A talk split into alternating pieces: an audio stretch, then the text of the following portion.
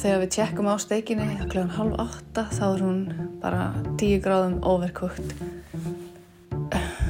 Þá kemur líka í ljós þegar við fyrir að tjekka á svoðinu, hann ætlar að gera sósu og allt þetta var ekki svona byrjaður á karteflanum og þá er svoðið súrt. Þessi fræð sæta súkulæðastráksins er svo sannarlega ekki sjálfsbrotti, þrátt fyrir í meðalegi grípandi autotúnpoppið heldur er bein afleðing af yfirgengilugum forréttundum hins unga kvíta og myndarlega fótbóltastráks sem er erfingi risastórs viðskiptaveldis. En það kom að því, það gerist það nákvæmlega sama hér eins og, eins og í Svíþjóð að, að löggan byrjaði að sitja um þessi reif. Jól í Grindavík, Norrannir Rafströymar og ársuppgjör Davís Róts. Ég heiti Bjarni Daniel. Og ég heiti Lóa Björk Björnstóttir og þetta er lestinn þann 4. janúar.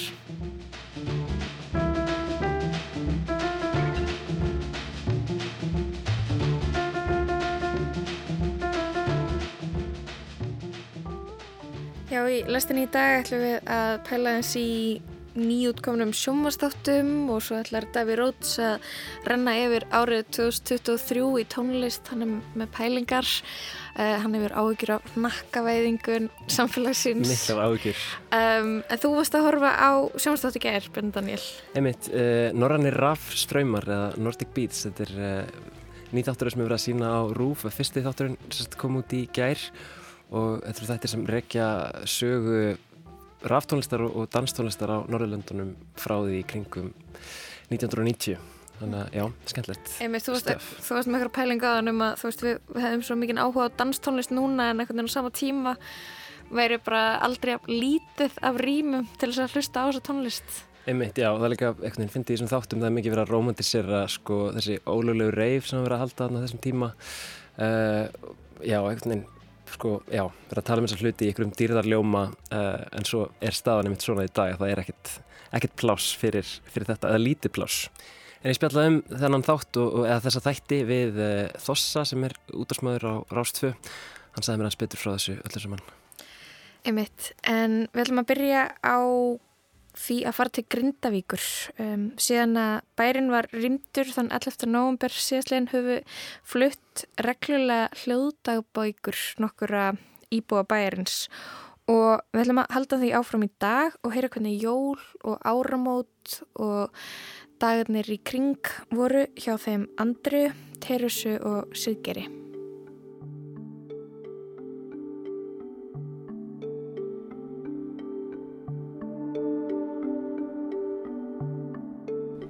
Jæja, það er 28. desember. Klukkan er hálf fimm rúmlega og búð. Ég ætlaði nú að vera búin að taka þetta upp en ég er bara búin að vera upptekinn við það að gera ekki neitt. Sem maður á að gera í jólafríðinu sinu Siggeir Ævarsson er grunnskólakennari og fadir sem hefur búið í breyðholtinu síðan að Grindavík var rýmt.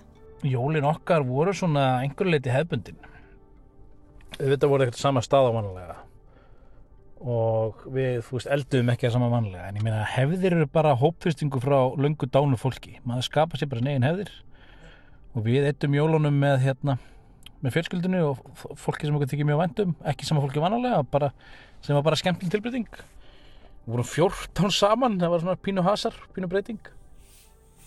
Það er annar janúar 2024 og klukkan er hálf fjögur að degi til Ég er á leiðinni heim eftir fyrsta vinnudag ársins og þóli ekki umferðina í Reykjavík.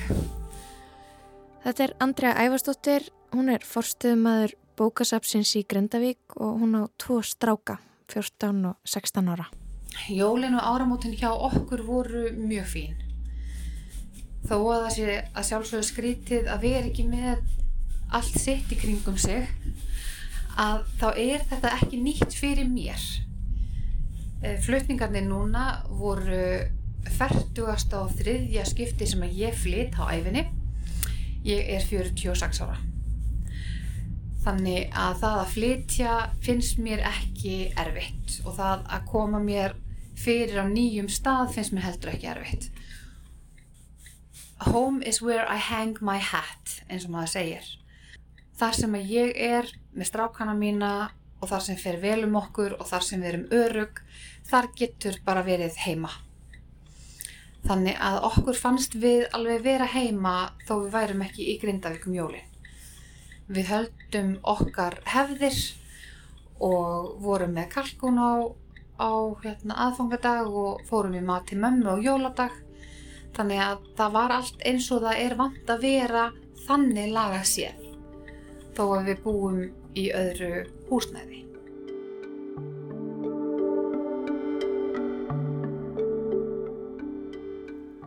Teresa Byrna Björnsdóttir, Teresa Bángsa, er tveggja barnamóðir og hefur búið hjá frængusinni í miðbæ Reykjavíkur sen að Grindavík var rýmt. Jólinn komu náttúrulega á Grindastígi eins og allstaðar annar staðar. Þessi jól fóru ekki neitt eins og á hefði verið kosið en út af því að við erum í þessum aðstæðum þá var einhvern veginn öllum sama. En það er sem sagt við varum með tvo hamburgarryggi og við vorum nýju hérna ég og bönni mín eh, pappi krakkana bróðu minn og sónu hans og mamma, pappi og frænka mín sem býr hérna. Hinn frænka mín var að vinna á Hotelborg. Þannig að við vantaði til dæmis fat undir steikina eða steikurnar var með tvær, eina stóra og eina litla hamburgarrygg og við náðum samt að redda því alltaf seint og steikin fór inn alltaf seint og svo er þessu opn einhvern veginn allt öðru sig heldur en uh, hitin er greinlega meiri heldur en uh, tölurna segja, þetta er gammal opnina og þegar maður mér var búin að segja að þetta verður ekki tilbúið fyrir tíu í kvöld. Og ég ekki, aðja, ok, skiptir ekki máli. Og svo allt í náttúrulega okkur á því við þurftum eiginlega að redda kjött þetta mæli og við frænga með hleypunir á Hotel Borg og fær lánaðan þar og, og þegar við tjekkum á steikinni kl. halv átta þá er hún bara tíu gráðum overcooked. Þá kemur líka í ljós þegar við fyrir að tjekka á svoðinu hann alltaf að gera sósu og allt þetta.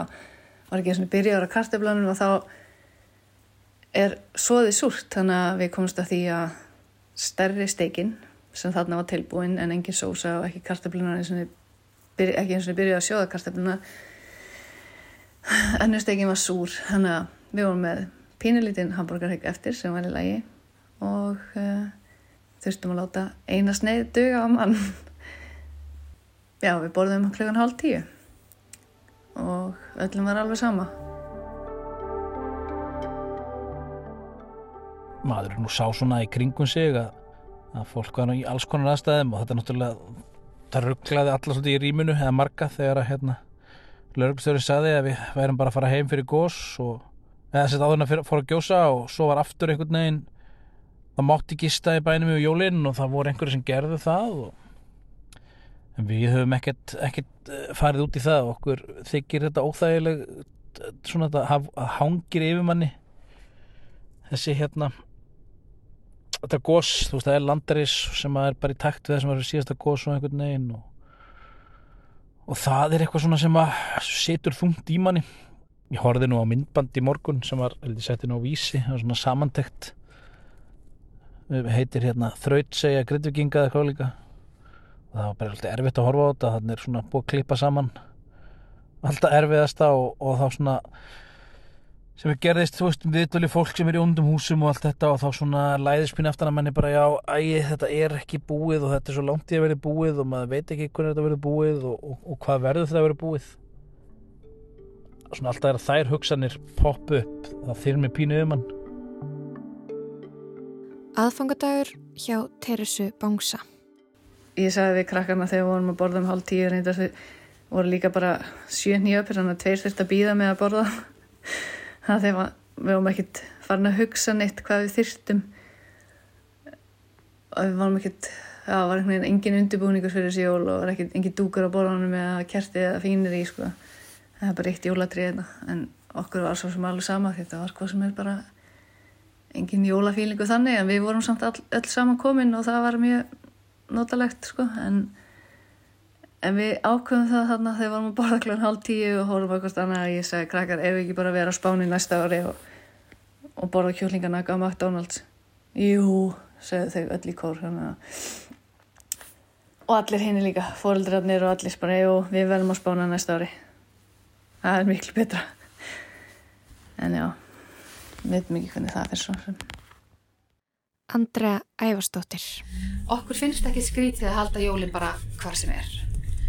Og áramótin voru bara meira sem með þeim skemmtilegri sem við höfum átt því að við vorum með svona okkar nánustu stórfjölskyldu.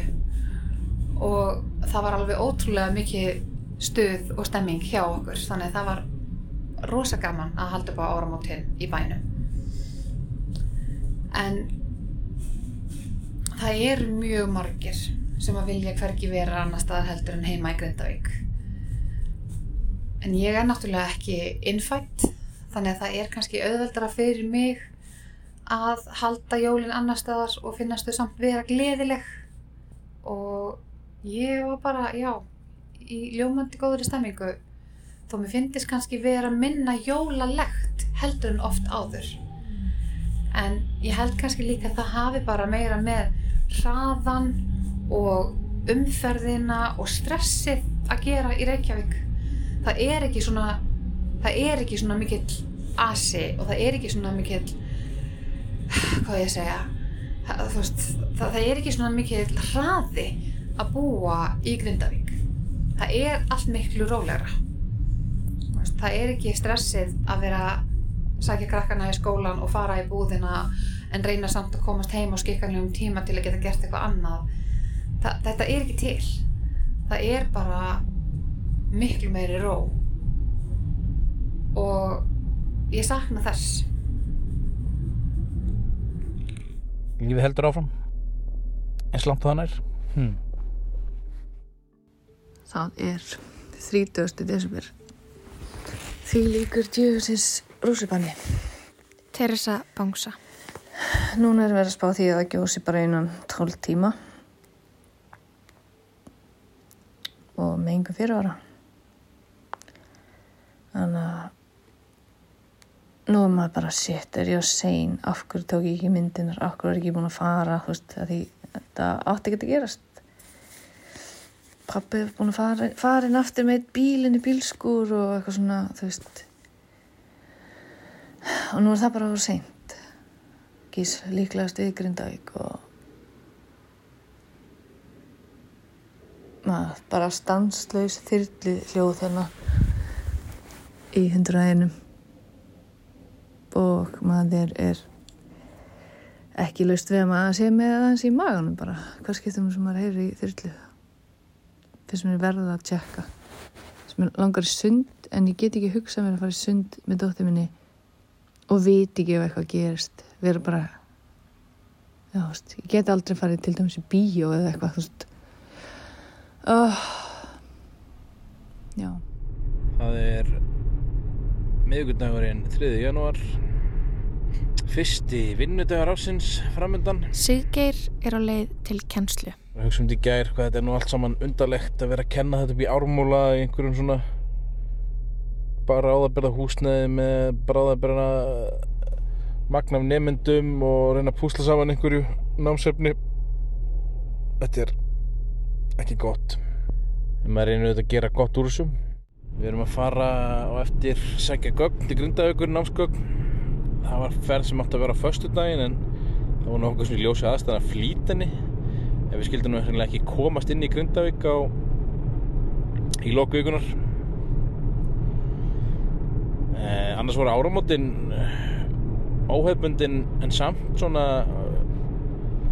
í ákveðinu takti. Við gengum náttúrulega bara inn í áramóta hérna fagnaðarættin hjá fjölskyldunum hennar Sofíu í Akarsilinu og, og við endum að vera held í hvað átján, átján 20 í mat. Það var einhvern svona reyningur af fólki fram og tilbaka. Mamma mín, móðu mín kom og sýsti mín og dóttir hennar þannig að þau bættust við í hópin en við bættum við sjö gestum alls. Það var bara gaman ég stóð bara í sveittur í eldúsinu og eldaði goða steikur og svo skuttu flugöldum og þetta bara hefðbundin áramátt á þýleitinu til kannski bara aðeins mér af fólki líkt á um jólinn uh, yngri dóttir mín spurði mér núna um daginn pabbi hver er ætli við heim ég bara segi, ég veit það ekki. Ég að skólinn byrja ekki aftur í Grindavík fyrir ný haust. Og þá var hún bara, erum við að fara að vera í Grindavík og talda á puttunum bara, í- nei, ég reykja ekki átta mánuði. Þann 30. desember síðastliðin fór Teresa með pappa sínum og Halla bróður sínum í tollhúsið. bara að fá okkur kaffi að því vorum að býða eftir mömmu við vorum sérst að fastegnisölu þarna rétt fyrir neðan að skrifa undir skrifa undir kaup á húsi að því fóreldra mínir eru núna að missa íbúinu sem þau eru búin að vera í þannig að það ertu bara að grípa til örþröða ráða og við erum alveg ótrúlega heppin og að pappi gatt selt aðra eign til þess að kaupa þetta hún átti sérst yðnabil eða eitthvað sem að reddar því þannig. Og annað við erum öll að fara að flytja inn saman ég og mamma, pappi og ég og bönnin bara í byrjun januar en við fyrst fórum á, tollhúsið og hittum þar nokkra grindvinga og það var svona pínu mistum maður vonin aftur þetta er alveg útrúlegt hvað maður fer upp og niður í þessum rússipanna. En það var svo margir þar sem að er að uppgöta sprungur í húsanum sínum bara núna nýverið og svo faraði eftir viku setna og hún er búin að stækka. En þú veist, samt eru skjáltarnir einhvern veginn ekki í gangi en það virðist vera þessi gliðinin bara hér og þar og þetta er allt fólk sem ekki heima í sprungunni sjálfi eða við hana veist, bara hús hér og þar í bænum og maður er bara svona, uff, er þetta bara ennþá í gangi? Er þetta bara ennþá að skemmast? Veist, vitum ekki neitt. Erum við einhver tíman að fara heim aftur? Veist, verðum við einhver tíman samfélag aftur? Ef við getum farið heim hverju koma? Hvað eftir að taka mörg ár og svo bara eða hvort við séum að fara heim yfir höfuð. Þetta er bara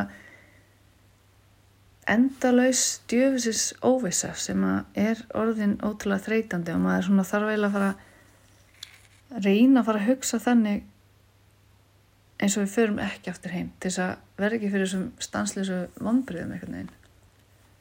Það ég þetta ekki.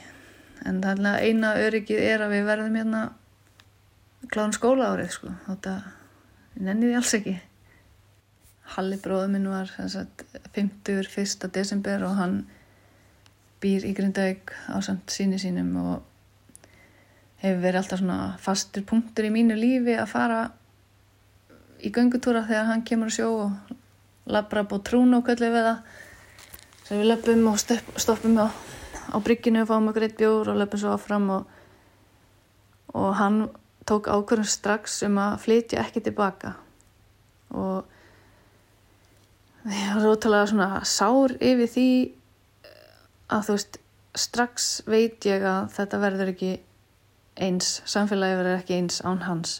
En þess að mitt samfélag það sem að þú veist, mín rútína og allt þetta. En svo segir hann við mig í gær og það er hvað, fjörði januar að að hérna hann sé að koma með leið á sig að vera í bænum. Þannig það er svona pínu ánægilegt að heyra að ef við færum heim þá held ég að hann kemur líka að þú veist þessi glansmynd á í Reykjavík já, hún er raunin sitt skeið núna bara á einu mánuði. Ég held að sína ansi, ansi margir í konu með alveg nóg og vilja fara heim. En það er ekki hægt.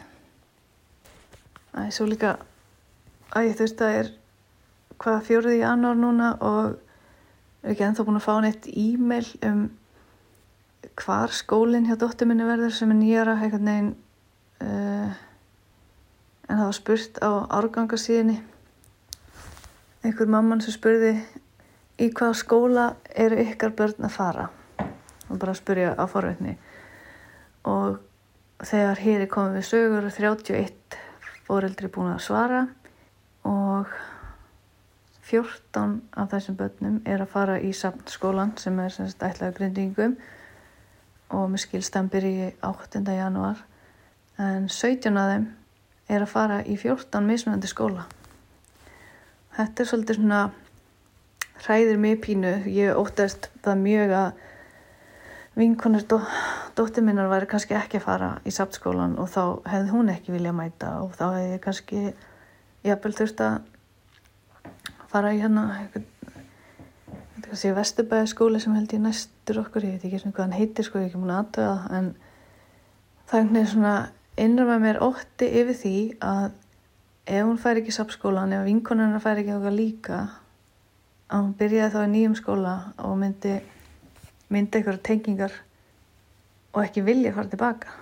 Það er svona ákveðin áhætti þáttur og ég held að sé fyrir mörgum fóröldrum ef að krökkunum er farið að líða, líða vel á nýjum stað og festa rætir veist, því núna erum við alveg hvað fimm mánuðir sem við verða í öðru umhverfi og egnast nýja vini og verður og vil ekki fara tilbaka veist, það verður ótrúlega erfitt ef að já, ég er mjög fegin að hún sé allavega að fara í sapskólan og þakklátt fyrir það að blessunlega er vinkonarinn að fara í hann líka sko. Því það er því alveg jafn erfitt að fara að þvinga hana tilbaka til grindavíkur ef að hún er búin að fara að tengjast og líða vel. Samt þetta pínu eiginginni, þú veist, maður vill ekki að hún tengist, tengist eitthvað nýju hér. Maður vill að hún vilji fara tilbaka líka, sko.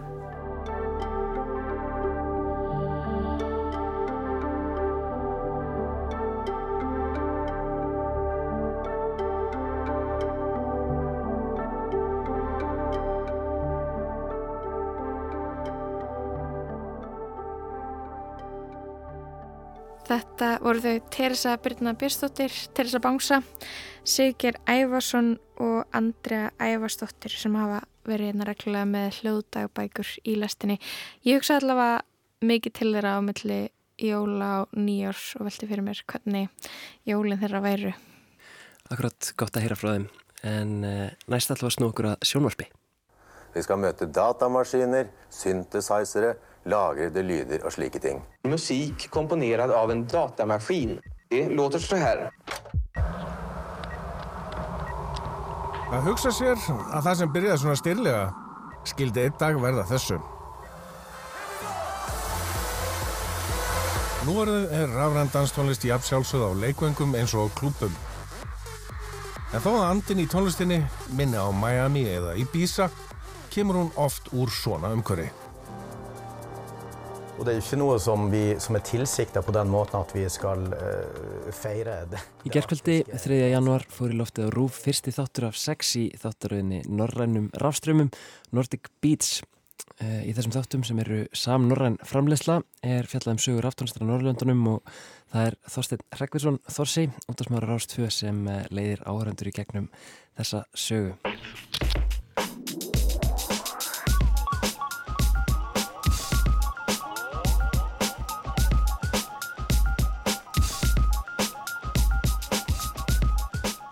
Hvaðan kemur þessi hugmynd að, að vinna sjónastætti um sögur aftalastara á Norrlöndunum?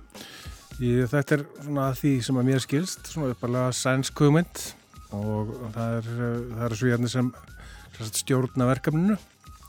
Þannig að hún kemur frá síðjóð, mm -hmm. þessi hugmynd. Ég síðan, ég fá þeir hinnar stöðunar á Norrlöndunum til samstarfs við sig og þetta er svona, það er svona einhverjir mánuður síðan að, að við fengum senda spurningarlista þó nokkur hér sem við þurftum að svara og svo já, skoða þeir efnið sem kom frá okkur hvaða klippur eru til í sjónvarpinu og svo framvegis. Og uh, í framhaldina því byrjar þetta svona að raðast upp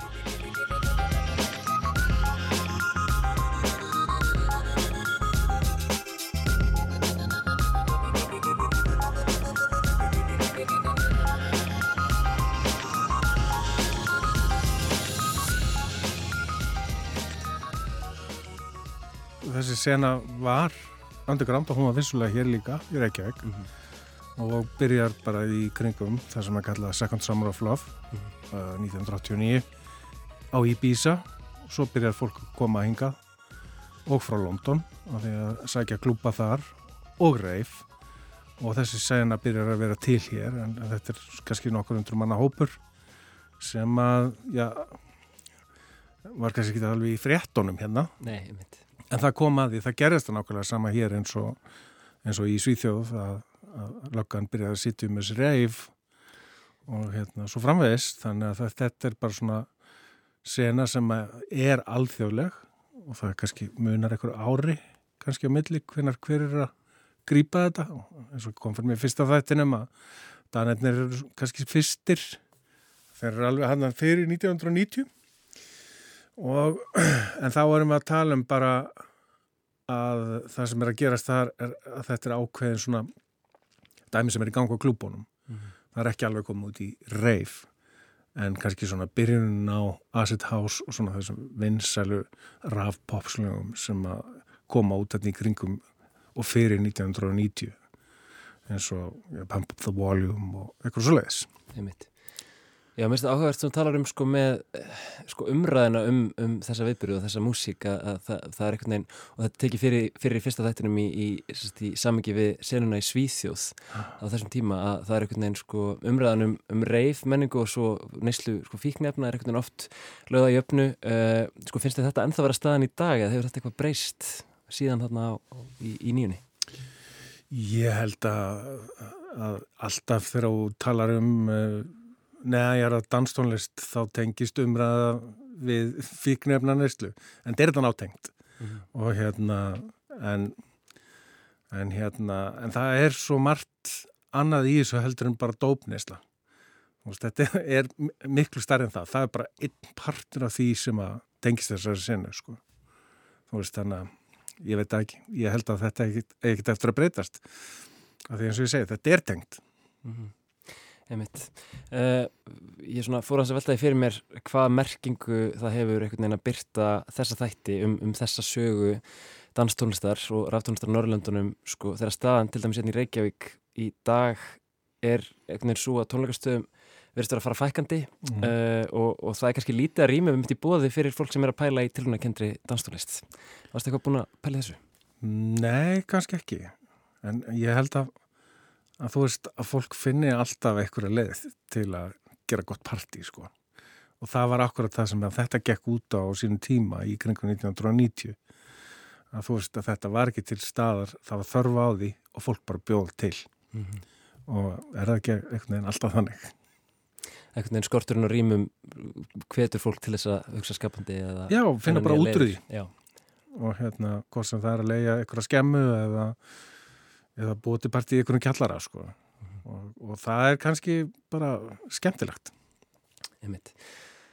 Ok, rétt í lokin hérna, nú ertu búin að liggja yfir þessari sögu mm. uh, sko, hvernig blasir framtíðin við þér? Framtíð Norrætnar danstónlistar Ég held að hún sé bara bara bjart sko og hún er náttúrulega norðan danstónlist eins og fólk sér þegar að byrja að horfa á þessu þætti þetta var náttúrulega bara fyrsti þátturinn þetta er rosalega breytt konsept og Norðurlanda þjóðarnar eiga ofbóðslega já mikið af alþjóðlegum stjörnum sko bæði í, í poppaðri lutanum að þessu og svo tilrænakendari þannig að ég held að, held að þetta sé bara á fínum stað og og það er örgláð bara eftir að lagast. Eða sært, ekki lagast heldur bara vera þannig áfram, mm. kannski meira en þú veist, það er alveg ótrúlegt hvað Norrlanda þjóðunar eiga stóra artista í tilhörnakendir aftónlist í poppi sært af poppi og bara ílega öllum geirum af ráftónlist Takk fyrir þetta þessi og takk fyrir að segja okkur frá Norrannum Rafströmmum Takk fyrir það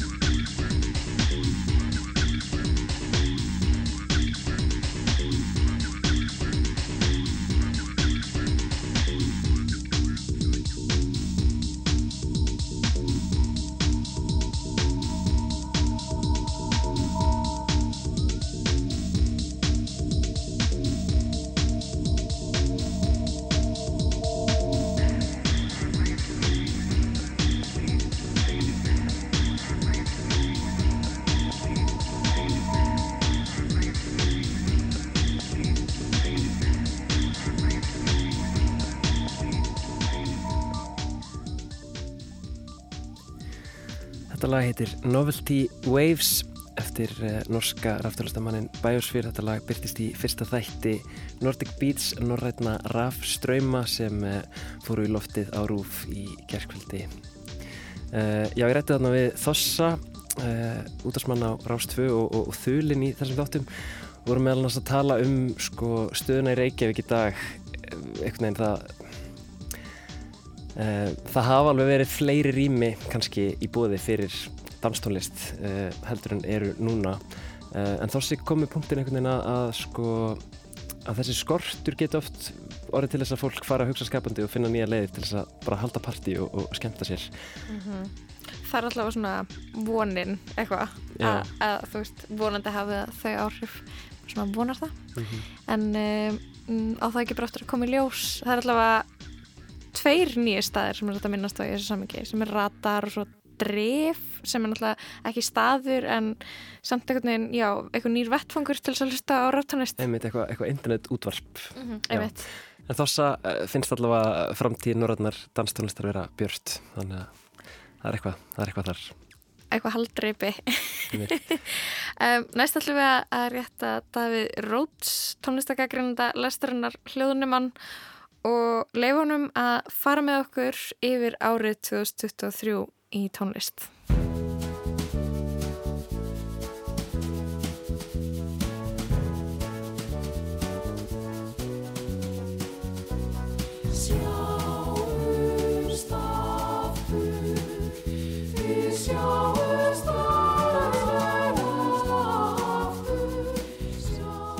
Nú er árið 2023 sokkið ofin í aldana sköp og eitt af sem hefur innkjent tónlistar árið er að allt það versta frá því um aldamótin ásækjur okkur eins og vofur með træbaltatú.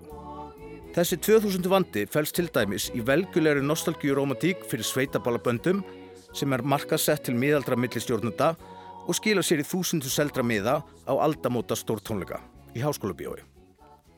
Backstreet Boys komu til landsins og trilltu líðin í lögutusöllinni meðan alíslenska strákabandið Ice Guys reyður öftum í myndböndum, sjómórstáttum og auglýsingum á árinu.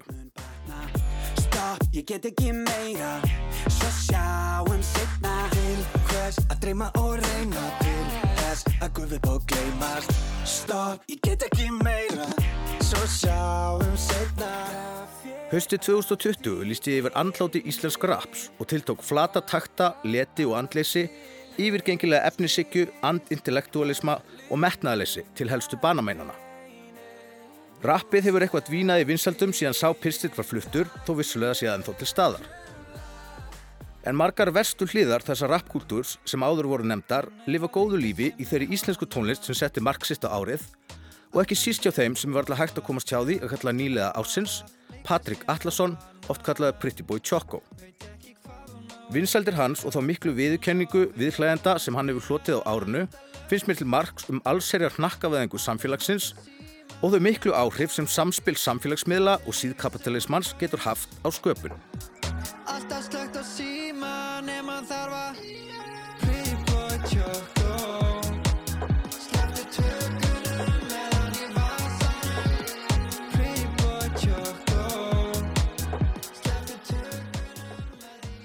Þessi fræð sæta súkulæðastraksins er svo sannarlega ekki sjálfsbrottin þrátt fyrir í meðalegi grípandi autotúnpoppið heldur er bein afleðing af yfirgengilugum forrettundum hins unga kvíta og myndarlega fótbóltastráks sem er erfingi risastórs viðskiptaveldis. Það þarf ekki að vera slemt út af fyrir sig en hann stæri sig sjálfur stöðugt af þessari forrettnindastöðu, beitir henni fyrir sig og hefur gert hana að uppistöðu í ímyndarsköpun. Þegar hann hafi gefið út eitt lag voru byrta sex frettur um hann á vísi en ljóst er í það minsta að fyrirferð fyrirtækja helgu í góu á auglýsingamarkaði hefur ekki dreyið úr umfjölluninni. Þar eru reyndar hæg heimatökin því Patrik vinnur einmitt í markastild góu sem fór fljótlega að framlega Boy Choc og sukulæðastykki sem rötuðu á ábyrgandi staði í vestlunum og voru auglýst með flennistóru myndum af Patrik. Nepo baby much?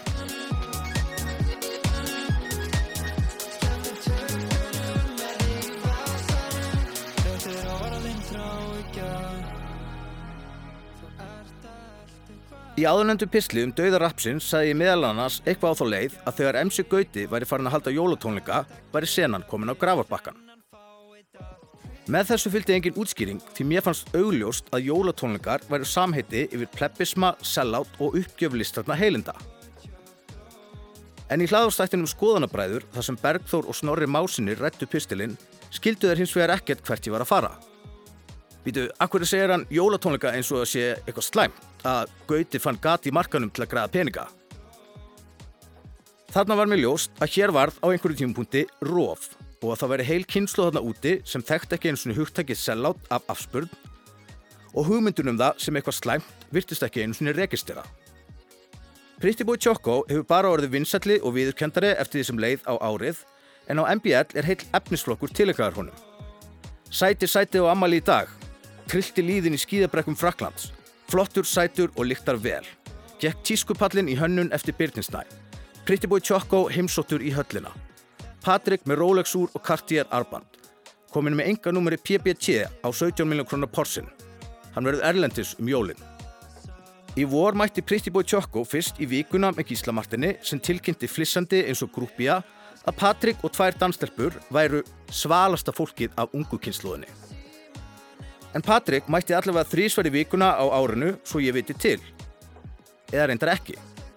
Það var vist ekki Patrik sem fluttilegði skína í áramóta þætti vikunar síðasta lögadag heldur hafði annar hnakki verið sendur í hans stað vegna frestunar á einhverju flugi. Þetta vekur upp spurningar sem engin af þeim mörgu fjölmjölum sem gerðu málunu skil höfðu fyrir því að velta upp. Er það til dæmis í lægi fyrir ríkismiðil að ljúa svona að áhöröndum? En komið höfðu fram að þáttastjóknandi vissi af blekkingunni. Hvað segir það um tónlistamann, verk hans og flutning að það sé ekkert mál að senda tvífara í staðin svo enginn verði nokkur svar? Hvað segir það svo um listamannin að hann skammi sín ekki meira fyrir fyrirnemt en svo að hann upplýsi sjálfur um blekkinguna í einhvers konar kynningartilgangi.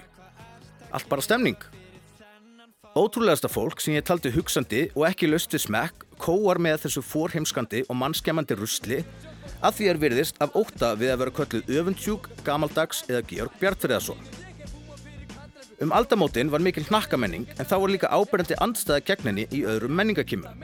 Eins og heyrist glögt í læginu Ég ætla aldrei með skittunum af plutunni Ílgræsi frá 2003. Ég ætla aldrei, ég ætla aldrei, ég ætla aldrei að verða eins og þeir Ég ætla aldrei, ég ætla aldrei, ég ætla aldrei að verða eins og þeir Ég ætla aldrei,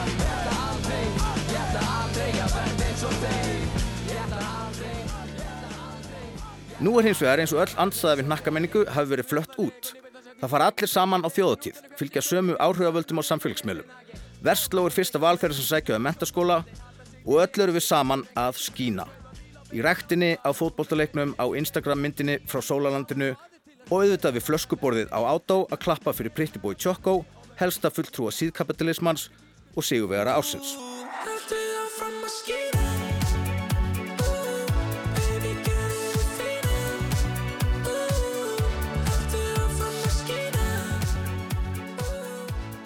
En nóg af niðurrifi, það kom vissulega út góð tónlist á þessu ári líka og þá úr akkurat öfugri átt. Nokkri sjálfsbrotni neðanjara græðlingar sem uksu af slíkum þokka, krafti og listfengi að arfin varpaði háum skugga á óspennandi yðnaðarblómin.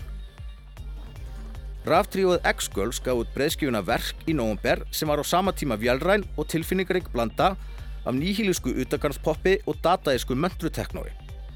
Þetta er fjölbreytt skífa sem hendar jafn vel að hlusta á í heyrnatólum fyrir þá yngverfu og að blasta í Function One kerfi á mögtum um teknoklubbi.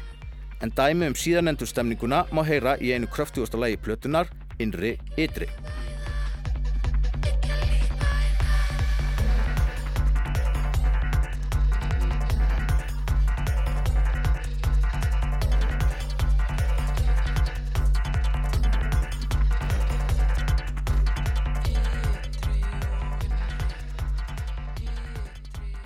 Verk er gefin út af útgáðinu BBB BBB, 6B samtals, sem er rekinn af ráftólustamannum Bjarka. Hann hefur verið að gera það gott í Berlín þar sem hann býr og á alþjóðavísu og er vinsat blötusnúður á klubum um alla Európu. Bjarki og hópur í kringum hann hafa skipilagt reyfveislur á Íslandi undanfæran ár og svo síðasta var haldið nú í desember. Þar er áherslan á taumlösa gleði og nöytnir en samt í andstöðu við áðurnendan yfirbórskendan áhrifavaldakúltúr sem er allsræðandi á FM 957, þjóðháttíð og átó. Í reifpartíum Bjarka og Kó er áherslan á að missa sig í myrkrinu við trillta teknotónlist og samspil hennar við ljós og reik þar sem egoð er skilið eftir við dyrnar. En það eru myndatökur hardbannar þar og limmiðar settir yfir linsutnar á símum við ingöngu. Þannig eru allir í núinu og engin að taka selfies eða velja filter fyrir samfélagsmiðla. Þessi partí sem sum hafa verið nefnd buksur eða stuttbuksur og ört stækkandi teknosennan sem þau sækir eru mikilvægur partur af Reykjavíksis tónlistamenningu sem lítið hefur verið skrifað um fram að þessu.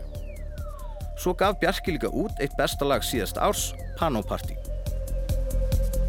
You are wearing boots and a dress. In my head, you are dancing in a dress. You are and on top.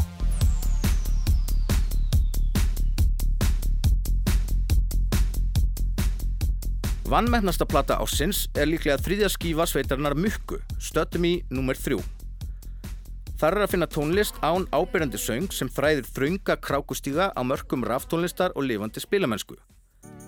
Laugin á stöttum í nummer þrjú eru vökvakend og stöður í hreyfingu og alltaf með exotískum undurtónum sem leiða þig á áður óþögt dýpi.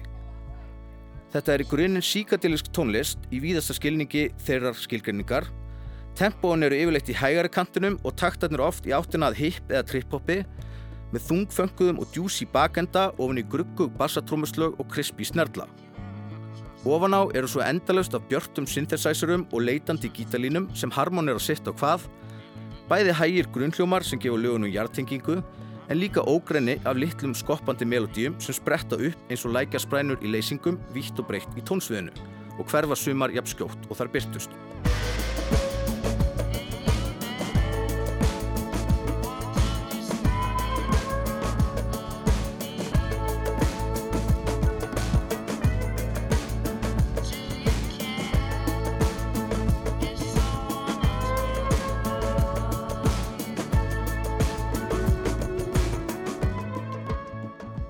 Popdeildinni átti svo einsmannsverkefnið Hipsum Haps bestu breyðskifu ársins, Ást og Praktík, frábært fullanans pop með sterkum lagasmíðum, snekkuðum hljóðheim og hnittnum textum þar sem bæði er kinkakolli til lástemdrar hverstagsromantíkur Prins Pólos og grípandi tíðaranda superpop Sprengjuhallarinnar.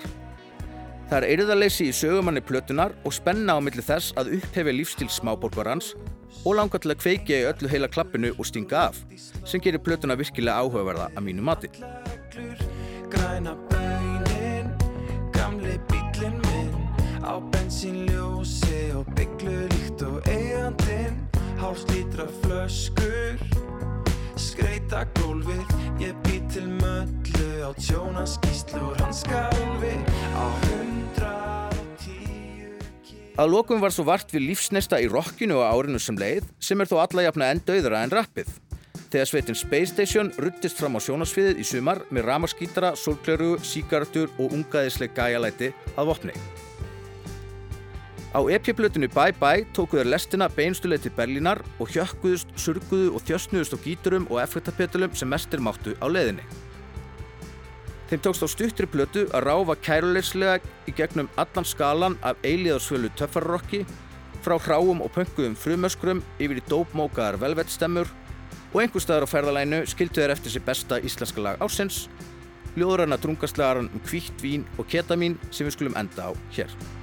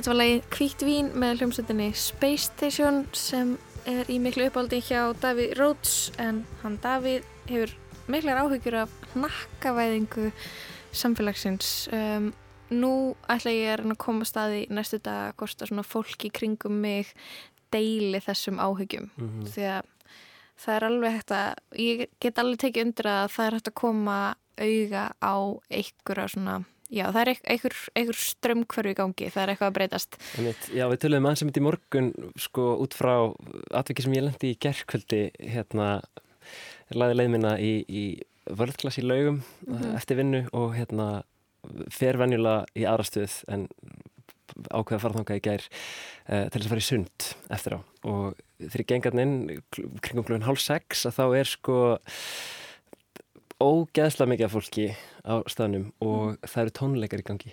Og, og í e- einum stiganum sem liggur upp á hérna, svæði þar sem maður getur teikt og, og gert styrtræðingar þar stendur Jón Jónsson með kassagittar og hann er að syngja lögin sín en hann er búin að breyta textunum, te textunum við lögin sín þannig að, hérna, þannig að þau fjalli um sko ræktina og að reyfa sig. Þú verður að koma með dæmi, hvernig, mm, sko, hann, hann tók hérna eigalægi sitt þarna eiga, meja og peja já, já, já, eh, þjóðtjálægir. Já, og ég man ekki hvað hann segði, það var eitthvað svona laugar, baugar og haugar eitthvað og svo var hann að segja allir ætti að reyfa sig og En aldrei hætti að reyfa sig. En okkur ekki bara eitthvað eigjar, megar og tegja eða eitthvað.